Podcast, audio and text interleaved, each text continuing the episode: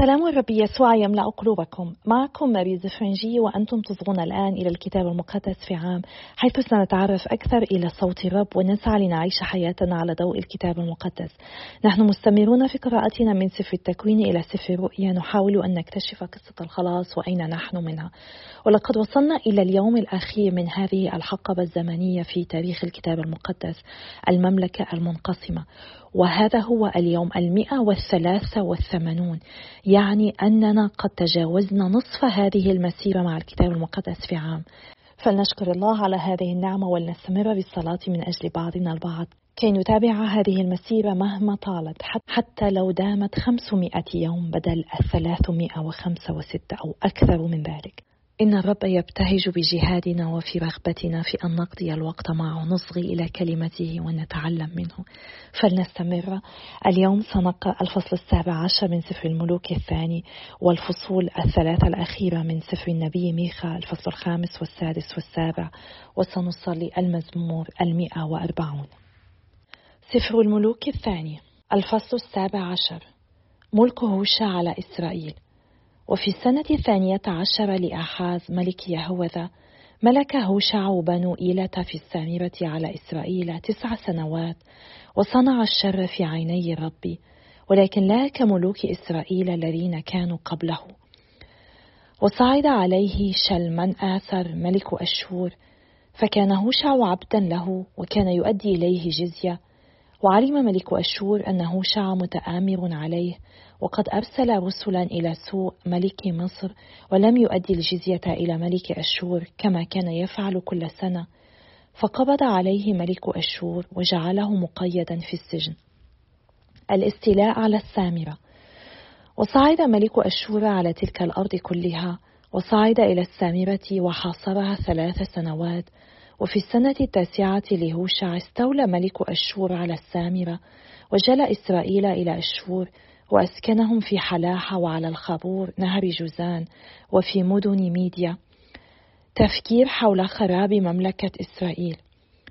وكان ذلك لأن بني إسرائيل قد خطئوا إلى الرب إلههم الذي أصعدهم من أرض مصر من تحت يد فرعون ملك مصر وعبدوا آلهة أخرى.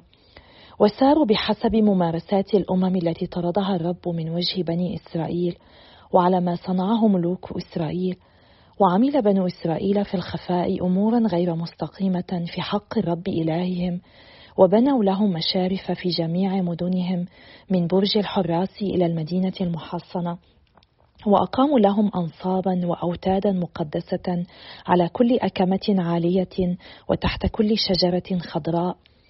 وأحرقوا البخور هناك على جميع المشارف مثل الأمم التي جلاها الرب من وجههم وعملوا أعمالا سيئة لإسخاط الرب وعبدوا الأصنام القديرة التي قال لهم الرب فيها لا تفعلوا هذا الأمر. وكان الرب قد أشهد على إسرائيل ويهوذا على ألسنة جميع الأنبياء وكل راء قائلا توبوا عن طرقكم السيئة واحفظوا وصاياي وفرائضي على حسب كل الشريعة التي أوصيت بها آباءكم والتي بلغتكم إياها عن يد عبيد الأنبياء. فلم يسمعوا وصلبوا رقابهم مثل رقاب آبائهم الذين لم يؤمنوا بالرب إلههم. ونبذوا فرائضه وعهده الذي قطعه مع آبائهم والشهادة التي أشهدها عليهم وساروا وراء الباطل وصاروا باطلا وراء الأمم التي حولهم مما أمر الرب أن لا يفعلوا مثلها.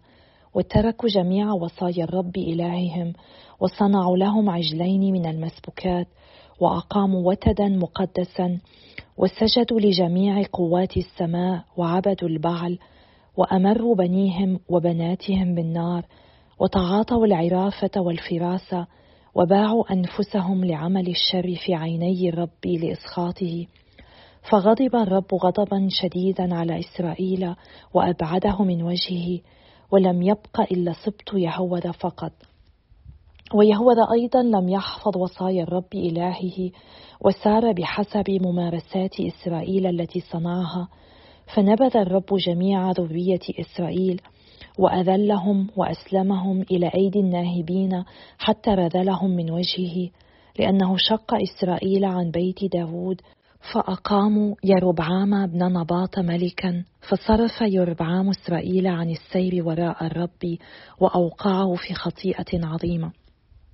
وسار بنو إسرائيل على جميع خطايا يربعام التي صنعها ولم يعرضوا عنها حتى أبعد الرب إسرائيل من وجهه كما قال الرب على ألسنة جميع عبيده الأنبياء وجلي إسرائيل من أرضه إلى أشور إلى هذا اليوم.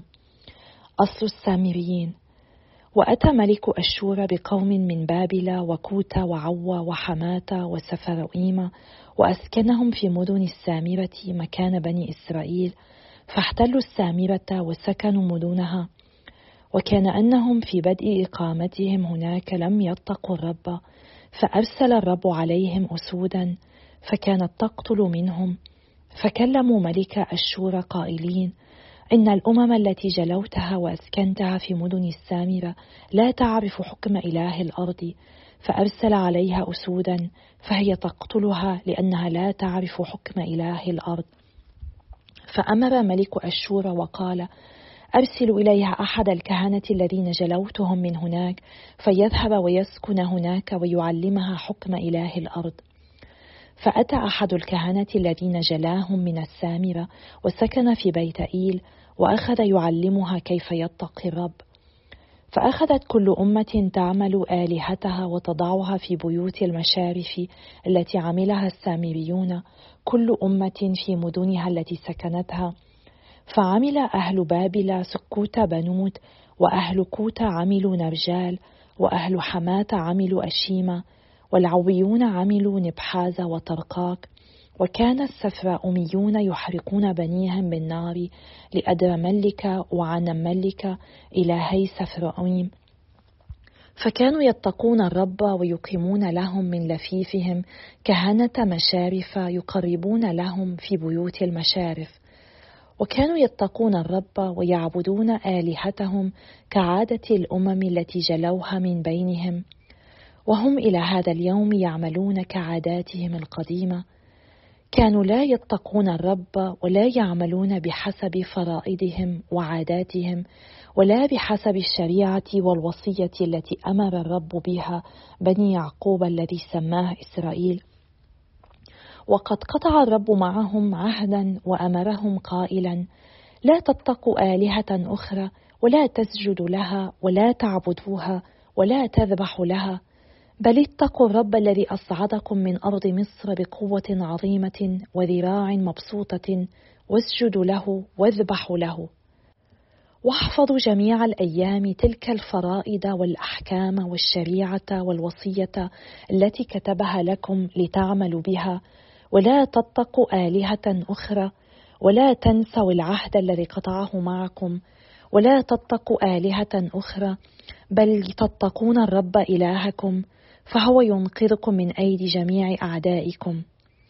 فلم يسمعوا بل بحسب أحكامهم القديمة كانوا يعملون. فكانت تلك الأمم تتقي الرب وتعبد أصنامها وكذلك بنوها وبنو بنيها وكما صنع آباؤها تصنع هي أيضا إلى هذا اليوم. سفر النبي ميخا الفصل الخامس. وأنت يا بيت لحم افراتا إنك أصغر عشائر يهوذا ولكن منك يخرج لي من يكون متسلطا على إسرائيل وأصوله منذ القديم منذ أيام الأزل. لذلك يتركهم إلى حين تلد الوالده فترجع بقية إخوته إلى بني إسرائيل. ويقف ويرعى بعزة الرب وبعظمة اسم الرب إلهه فيكونون ساكنين لأنه حينئذ يتعاظم إلى اقاصي الأرض. الظافر بأشور في المستقبل ويكون هذا سلاما وإذا أتى الشور أرضنا ووطئ قصورنا نقيم عليه سبعة رعاة وثمانية أمراء بشر. فيرعون أرض أشور بالحسام وأرض نمرود بالسيف المشهور. وينقذ من اشور إذا أتى أرضنا ووطئ حدودنا. مكانة البقية في وسط الأمم. وتكون بقية يعقوب في وسط شعوب كثيرين كالندى من عند الرب وكالوابل على العشب الذي لا يرجو من الإنسان شيئا ولا ينتظر شيئا من بني البشر. وتكون بقية يعقوب بين الأمم في وسط شعوب كثيرين كالأسد بين بهائم الغاب وكالشبل بين قطعان الغنم إذا جاز يدوس ويفترس ولا منقذ. الرب مزيل التجارب كلها. سترتفع يدك على مضايقيك فجميع أعدائك يستأصلون ويكون في ذلك اليوم يقول الرب أني أستأصل خيلك من وسطك وأبيد مركباتك وأستأصل مدن أرضك وأحطم جميع حصونك. وأستأصل السحر من يدك فلا يكون لك من منجم. وأستأصل منحوتاتك ونصبك من وسطك فلا تعود تسجد لعمل يديك. وأقتلع أوتادك المقدسة من وسطك وأبيد مدنك. وبغضب وحنق اجري الانتقام على الأمم التي لم تسمع. الفصل السادس. محاكمة جديدة لإسرائيل. توبيخات وتهديدات. محاكمة الرب لشعبه. اسمعوا ما يقول الرب. قم إلى الدعوة أمام الجبال ولتسمع التلال صوتك. اسمعي أيتها الجبال دعوى الرب ويا أسس الأرض الخالدة. فإن للرب دعوى مع شعبه وهو يرافع على إسرائيل. يا شعبي ماذا صنعت بك وبما أسأمتك؟ أجبني. فإني أصعدتك من أرض مصر وافتديتك من دار العبودية. وأرسلت أمامك موسى وهارون ومريم. يا شعبي اذكر ما ائتمر به بالاق ملك مؤاب وما أجابه بالعام بنو بعور من شطيم إلى الجلجال لكي تعلم مبرات الرب. بماذا أتقدم إلى الرب وأنحني لله العلي؟ أبمحرقات أتقدم إليه وبعجول حولية؟ أيرضى الرب بألوف الكباش وربوات أنهار الزيت؟ أأبذل بكري عن معصيتي وثمرة بطني عن خطيئة نفسي؟ قد بين لك أيها الإنسان ما هو صالح وما يطلب منك الرب. إنما هو أن تجري الحكم وتحب الرحمة وتسير بتواضع مع إلهك. عقاب الغشاشين. صوت الرب ينادي المدينة وذو حكمة من يهاب اسمك. فاسمعا أيتها العشيرة ويا جماعة المدينة. ألا تزال في بيت الشرير كنوز الشر والإيفة المصغرة الملعونة؟ أكون طاهرا وعندي ميزان الشر وكيس معايير الغش. إن أغنياءها قد امتلأوا عنفا وسكانها نطقوا بالكذب وألسنتهم في أفواههم ماكرة. فأنا أيضا قد ضربتك ضربة معضلة ودمرتك بسبب خطاياك. فأنت تأكل ولا تشبع. وجوعك في جوفك وتدخر ولا تخلص. وما خلصته أسلمه إلى السيف. وأنت تزرع ولا تحصد. وأنت تدوس الزيتون ولا تدهن بالزيت. وتدوس النبيذ ولا تشرب الخمر. اتباع ظلم السامرة قد حفظت فرائد عمري. وجميع عادات بيت آحاب. وسرتم على مشوراتهم. لأسلمك إلى الدمار وأسلم سكانها إلى السخرية فتتحملون عار شعبي. الفصل السابع الظلم الشامل. ويل لي فإني قد صرت لموسم جني الصيف كموسم خصاصة القطاف. لا عنقود للأكل ولا بكورة تين تشتهيها نفسي. قد زال الصفي عن الأرض وليس في البشر مستقيم. جميعهم يكمنون للدماء وكل منهم يصطاد أخاه بالشباك. إنما اليدان لإتمام الشر الرئيس متطلب والقاضي يقضي بالأجرة والكبير يتكلم بهوى نفسه وكلهم يحكونه. أفضلهم كالحسك والمستقيم منهم شر من سياج الأشواك. في اليوم الذي أخبر عنه رقباؤك اتى افتقادك الآن يكون اضطرابهم لا تأمن صديقا ولا تثق بأليف واحفظ مداخل فمك من التي تنام في حضنك. فإن الإبن يستخف بأبيه والإبنة تقوم على أمها والكنة على حماتها فيكون أعداء الإنسان أهل بيته. أما أنا فأترقب الرب وأجعل رجائي في إله خلاصي فيسمعني إلهي. أمال المستقبل. صهيون عرضة لشتائم الأعداء. لا تشمت بي عدوتي فإني إذا سقطت أقوم وإذا سكنت في الظلام يكون الرب نورا لي. إني أحتمل سخط الرب لأني خطئت إليه إلى أن يدافع عن قضيتي وينصفني فيخرجني إلى النور وأرى بره. وترى عدوتي فيخشاها الخزي القائلة لي أين الرب إلهك؟ إن عيني تنظران إليها حين تداس كوحل الأسواق. نبوءة في التجديد. هذا يوم بناء أسوارك. في هذا اليوم توسع الحدود. في هذا اليوم يأتي إليك من أشورة ومن مدن مصر ومن مصر إلى النهر ومن البحر إلى البحر ومن الجبل إلى الجبل وتكون الأرض دمارا على سكانها ثمرة لأعمالهم. دعاء على الأمم. ارعى شعبك بعصاك غنم ميراثك الساكنين وحدهم في الغاب في وسط الجنة. فليرعوا في بشان وجلعاد كما في الأيام القديمة كما في أيام خروجك من مصر أريه العجائب. فيرى الأمم ويخزون من قوتهم كلها ويضعون أيديهم على أفواههم وتصم أذانهم ويلحسون التراب كالحية. كزحفات الأرض ويخرجون من حصونهم مبتعدين إلى الرب إلهنا ويفزعون ويخافونك. مغفرة الله. من هو إله مثلك حامل للأثام وصافح عن المعاصي لبقية ميراثه؟ لا يشدد غضبه للأبد لأنه يحب الرحمة. سيعود فيرأف بنا ويدوس آثامنا. وتطرح في أعماق البحر جميع خطاياهم. تمنح يعقوب الصدق وإبراهيم الرحمة كما أقسمت لأبائنا منذ الأيام القديمة. المزمور المئة وأربعون لإمام الغناء مزمور لداود. يا رب من إنسان السوء أنقذني ومن رجل العنف احميني. فقد فكروا بالسيئات في قلوبهم وكل يوم يثيرون الحروب. سن كالحية ألسنتهم سم الأفعى تحت شفاههم.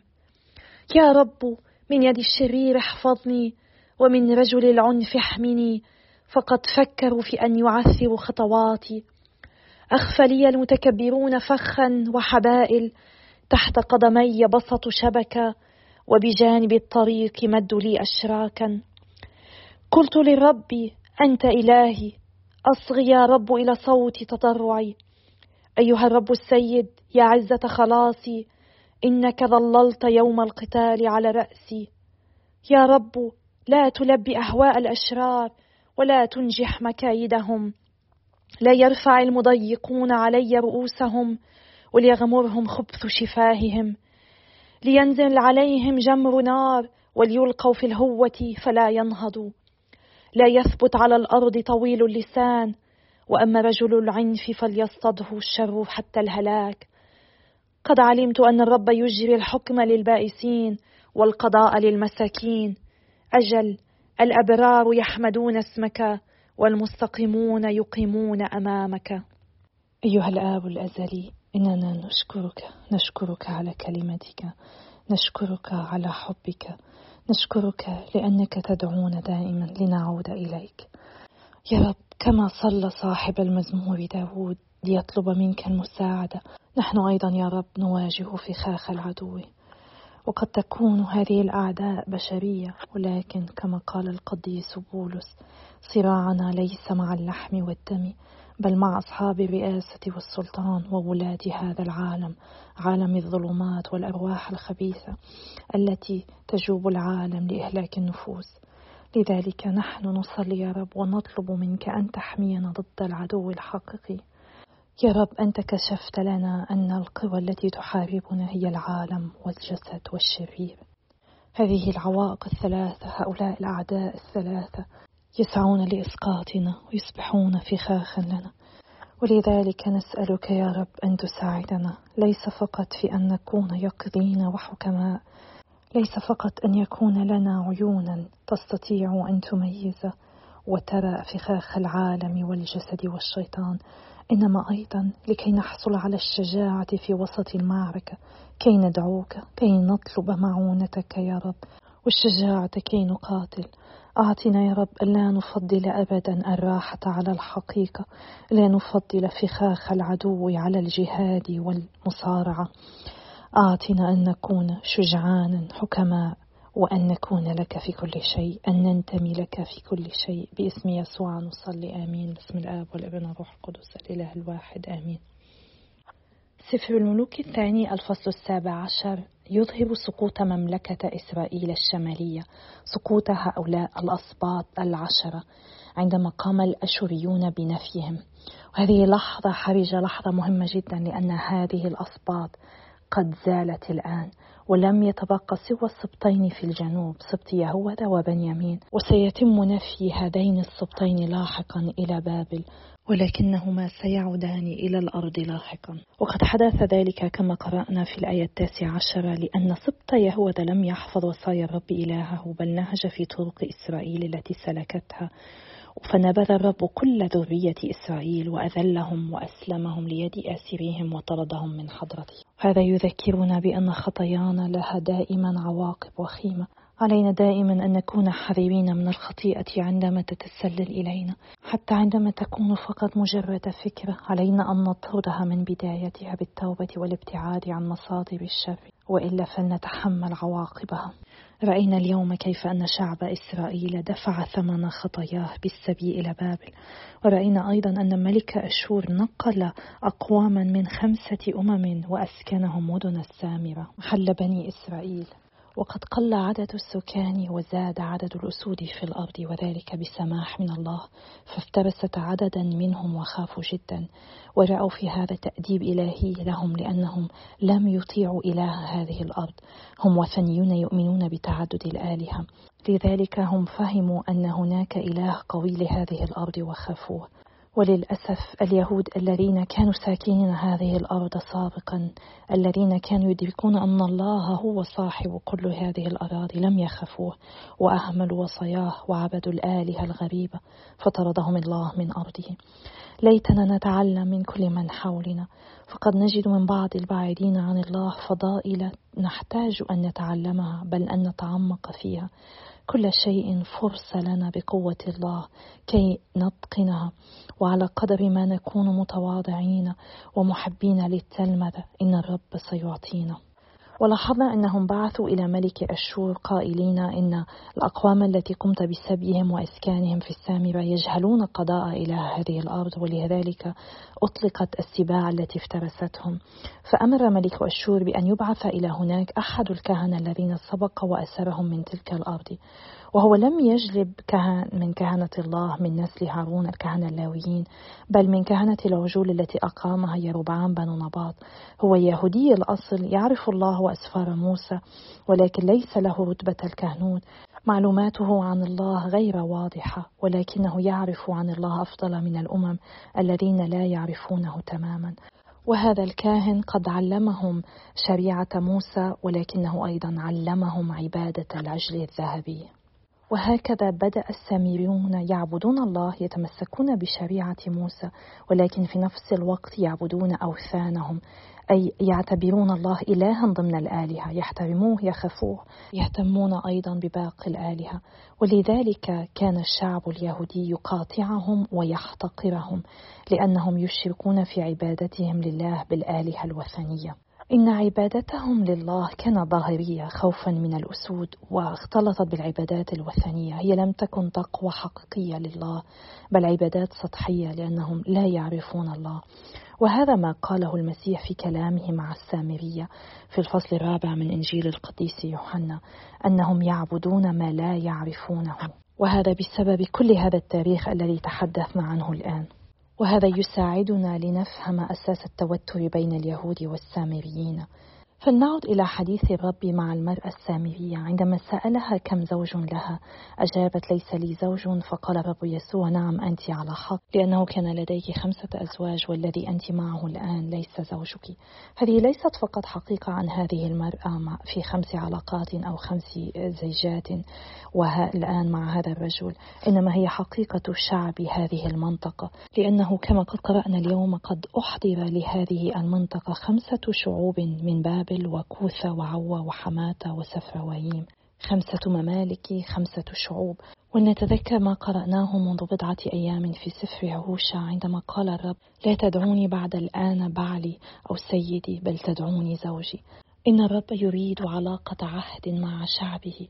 وما قرأناه اليوم عن السامريين هو ما يسمى تايبولوجي أي يرمز لأشياء في العهد الجديد. يرمز لما سيتم في إنجيل القديس يوحنا الفصل الرابع عندما يتكلم الرب مع هذه المرأة السامرية ويدعوها إلى الإيمان. هو يدعو هذه المرأة ويدعو أهل المنطقة حيث تسكن كي يؤمنوا إيمانا حقا به. أنا أحب جدا عندما أقرأ قراءات في العهد القديم وتساعدني لأفهم ماذا نقرأ في العهد الجديد لأنها تشير إلى الأمور التي تمت في العهد الجديد. وقد قرأنا اليوم في سفر ميخا بعض النبوءات التي تمت بمجيء الرب يسوع. مثل أما أنت يا بيت لحم أفرات مع أنك قرية صغيرة بين ألوف قرى يهوذا إلا أن منك يخرج لي من يصبح ملكا في إسرائيل وأصله منذ القديم منذ الأزل. بالطبع هذه الآية تشير إلى مجيء الرب يسوع المسيح. إن ميخا هنا يخبر الناس أنهم سيتشتتون ولكن سيأتي حاكم عليهم فيما بعد من بيت لحم. ونقرأ أيضا هذا السؤال المهم في الفصل السادس. بماذا أتقدم عندما أمثل أمام الرب وأسجد في حضرة الله العلي ونرى لائحة بالأشياء التي يمكن أن يقدمها ولكن الرب يوضح لنا أنه يريد للإنسان ما هو صالح أن نتوخى العدل نحب الرحمة ونسلك متواضعين معه. وفي هذا رسالة واضحة أن الرب يريدنا أن نطيع وصاياه أن نحفظ شرائعه أن نسعى وراء قلبه وأن نتمم إرادته في حياتنا. فلنتأمل في قراءتنا من هذا اليوم الأخير في المملكة المنقسمة قبل أن نبدأ غدا مع السبي. ولنقضي وقتا مع الرب نصلي نعبده سواء كان في الذبيحة الإلهية أو في السجود أمام القربان إذا أمكن. نطلب منه أن يجهز قلوبنا كي نقضي الأبدية معه. نطلب منه أن يعطينا النعمة كي نفعل العدل كي نحب الرحمة وكي نسير معه بكل تواضع. نحن بحاجة لأن نصلي لأجل بعضنا البعض. كي نفعل ذلك أنا أصلي لأجلكم وأحتاج صلواتكم وأتشكركم عليها. وإلى اللقاء غدا يوم آخر إن شاء الله.